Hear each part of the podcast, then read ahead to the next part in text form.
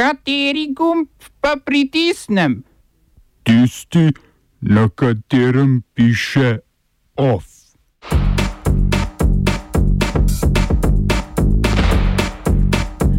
Donald Trump okužen s koronavirusom. Evropska unija uvaja sankcije proti Belorusiji. Nadaljevanje spopadov v Gorskem Karabahu. Vložena nova obtožnica z oparjane za Janšo v primeru preprodaje nepremičnine v Trenti.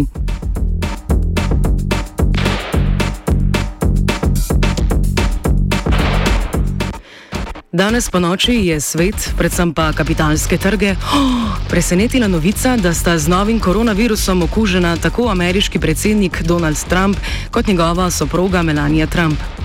Okužbe naj bi se nalezla od predsednikove svetovalke Hope Hicks, pri kateri so okužbo potrdili v torek. Trump je novico sporočil prek družbenega omrežja Twitter in hkrati sporočil, da sta ženo že v karanteni v Beli hiši. Okužba bo verjetno močno vplivala na volilno kampanjo, ki se bo čez dober mesec zaključila s predsedniškimi volitvami. Ni še povsem jasno, koliko predvolilnih dogodkov in soočen bodo morali zaradi okužbe odpovedati. A Trump je že odpovedal nekatera predvolilna zborovanja v ključnih zvezdnih državah, kot so Florida, Wisconsin in Arizona.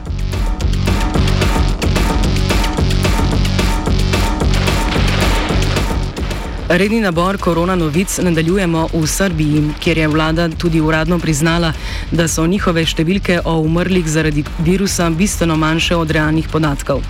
Član vladnega kriznega štaba Konrad Kohn je priznal, da je samo v Beogradu med marcem in junijem zaradi virusa umrlo 210 ljudi, namesto sprva objavljenih 118, še dodatnih 100 smrtnih primerov pa ni raziskanih. Po njegovih besedah je kriv novi informacijski sistem, ki ga odgovorni po njegovih besedah niso vajeni. Pravi podatki se zdaj kažejo prek evidence mrliških listov, ki pa v informacijski sistem prihajajo šele nekaj mesecev po smrti bolnikov. Na vprašanje novinarjev o odstopanjih je odgovoril tudi predsednik Aleksandr Vučić, ki je povedal, da za odstopanja ni kriva država in da ta v resnici niso bistvena.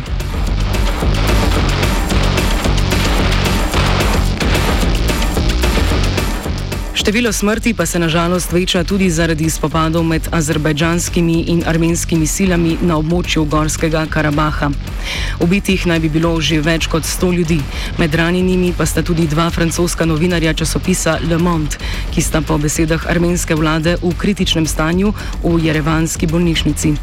Armenija je sicer danes sporočila, da je pripravljena na začetek mirovnih pogovorov in ponovno vzpostavitev premirja. V spopadih naj bi po besedah armenske oblasti sodelovali tudi islamistični plačanci iz Sirije, ki naj bi jih na Kaukaz poslali Turki. Turška vlada te očitke zavrača. Predsednik Recep Tayyip Erdoğan pa je Francijo, ZDA in Rusijo pozval, naj se ne vmešavajo v konflikt. Po njegovih besedah te države, ki sicer skupaj z obema sprtima stranema sestavljajo tako imenovano skupino Minsk znotraj Organizacije za varnost in sodelovanje v Evropi, v preteklih 30 letih niso storili ničesar za razrešitev konflikta in so spor le pometle pod preprogo. Skupino so ob izbruhu vojne na začetku 90-ih let ustanovili prav z namenom dolgotrajne rešitve vprašanja, a do te še ni prišlo. Armenija je medtem iz Izraela odpoklicala svojega odposlanca, saj naj bi Izraelci z brezpilotnimi bombnimi droni, ki so že udarili armenske cilje v bližini prestolnice Jerevan, oboroževali azerbejdžanske sile. Armenska zračna obramba je sicer včeraj nad svojimi ozemljem streljila več brezpilotnih letal.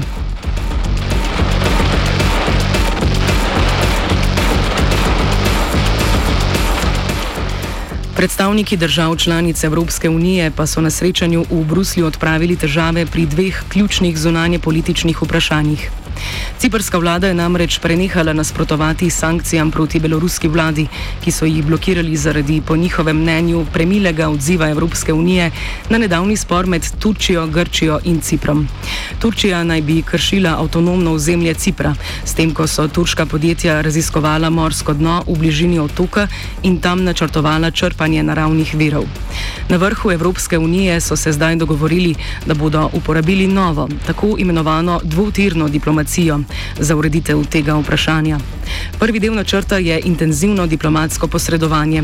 V primeru njegovega neuspeha pa so voditelji predvidevali tudi ostrejši odziv, ki vključuje tudi ekonomske sankcije proti Turčiji.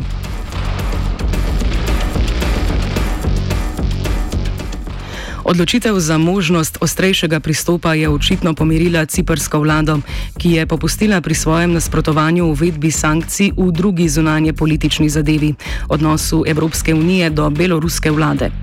Države Evropske unije bodo uvedle nabor sankcij proti osebam blizu beloruskega vrha, da bi vlado spodbudile k sodelovanju s protivladnimi protestniki, ki zahtevajo politične spremembe v državi. Na seznamu sankcioniranih posameznikov zaenkrat še ni Aleksandra Lukašenka. Lukašenka, dolgoletnega beloruskega predsednika, katerega navedbe oziroma na, na nedavne zmage na volitvah države Evropskih unij ne priznavajo.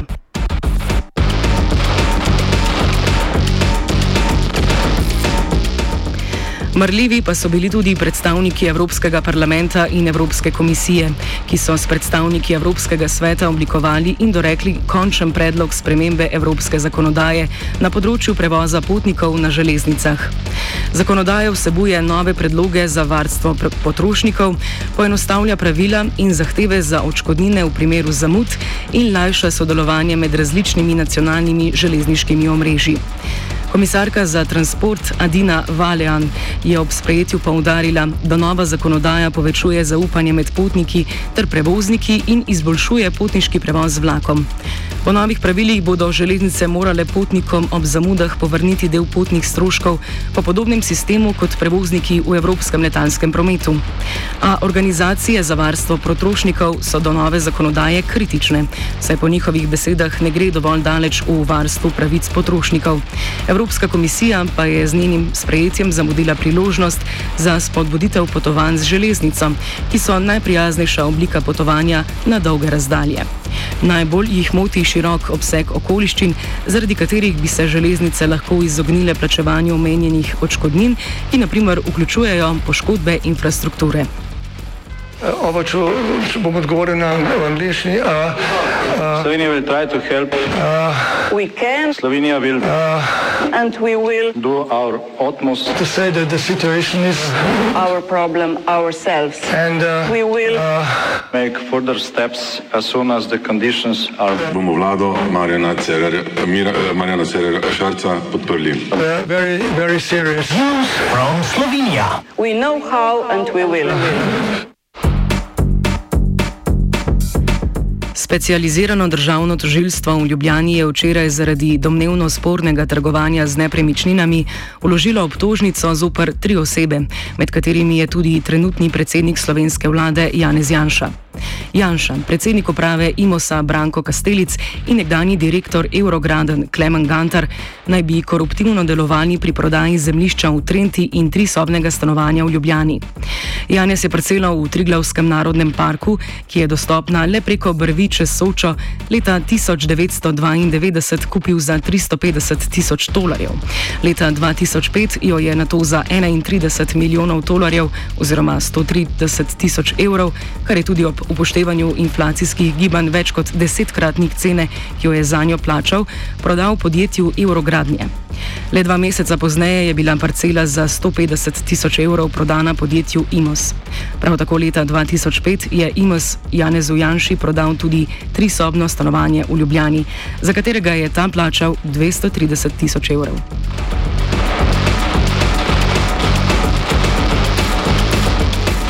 Po mnenju toživstva je to vsoto lahko poravnal zgolj zaradi višine kupnine, ki jo je prejel za parcelo v Trenti v presežni višini približno 100 tisoč evrov.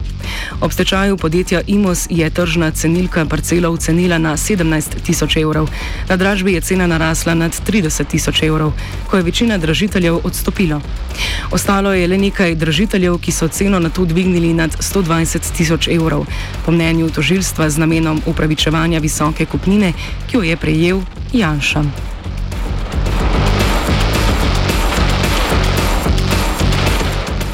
Ravno o pravem času pa je novelo zakona o delovanju protikorupcijske komisije očitno sprejel tudi odbor za pravosodje državnega zbora, kjer je novela dobila podporo prav vseh poslanskih skupin.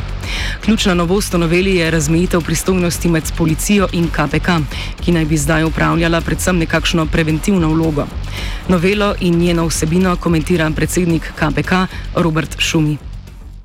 Komisija za preprečevanje korupcije podpira novelo zakona o integriteti in preprečevanju korupcije, predvsem zaradi tega, ker se z novelo zakonsko urejajo procesna jamstva oseb, ki so obravnavane v naših postopkih, kar sicer že od zadnjih sodnih odločb iz obdobja leta 2015-2016 um, upoštevamo, ne glede na to, da zakon eksplicitno tega zdaj ne določa.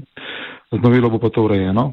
Potem uh, podpiramo zaradi tega, ker se uh, enotno ureja zakonska podlaga za pridobivanje, uporabo, obdelavo in pa povezovanje informacij o denarnih tokovih javnega sektorja, uh, tako imenovani ERAR uh, in bivši supervizor.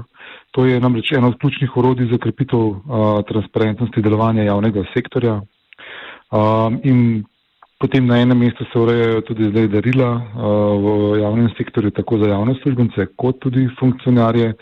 In pa uh, še bolj jasneje se razmejuje uh, med pristojnostmi naše komisije in pa policije in pa tožilstva. Namreč komisija za preprečevanje korupcije je preventivno nadzorni organ, medtem ko policija in pa tožilstvo sta organ pregona oziroma preiskovanja. Po njegovem mnenju je bila do zdaj težava tudi v javni percepciji uloge komisije. Zakaj mi moramo skrbeti za to, da se odpravljajo korupcijska tveganja in da preprečujemo, da bi do korupcije sploh prišlo. V tej smeri, da dejansko se komisija pozicionira v družbi, kjer je mesto, kjer je mesto to je tisti bistven podarek, torej preventivno nadzorna funkcija. In um, brez obit igor, ne, kot prispodoba iz preteklosti, pravzaprav nima, nima, nima pravega pomena, ker že v osnovi nikoli ni bila komisija mišljena kaj več kot pa preventivno nadzorna a, institucija. In percepcija javnosti a, je bila napačna zaradi tega, ker je javnost pričakovala, da, bi da bodo a, odločitve komisije pripravile do, do sodb tudi na sodišču, kar pa nikoli ni bilo a, pravzaprav sploh osnovno poslanstvo.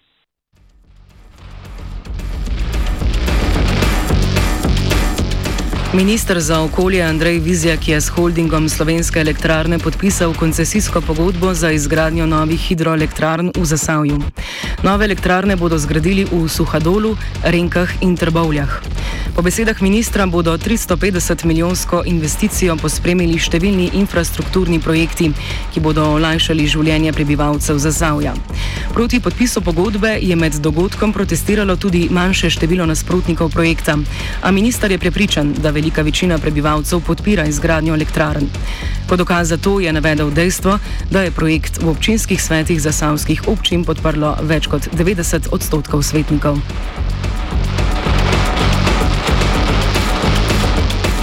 Konzerva OFA je ofnal koruzam.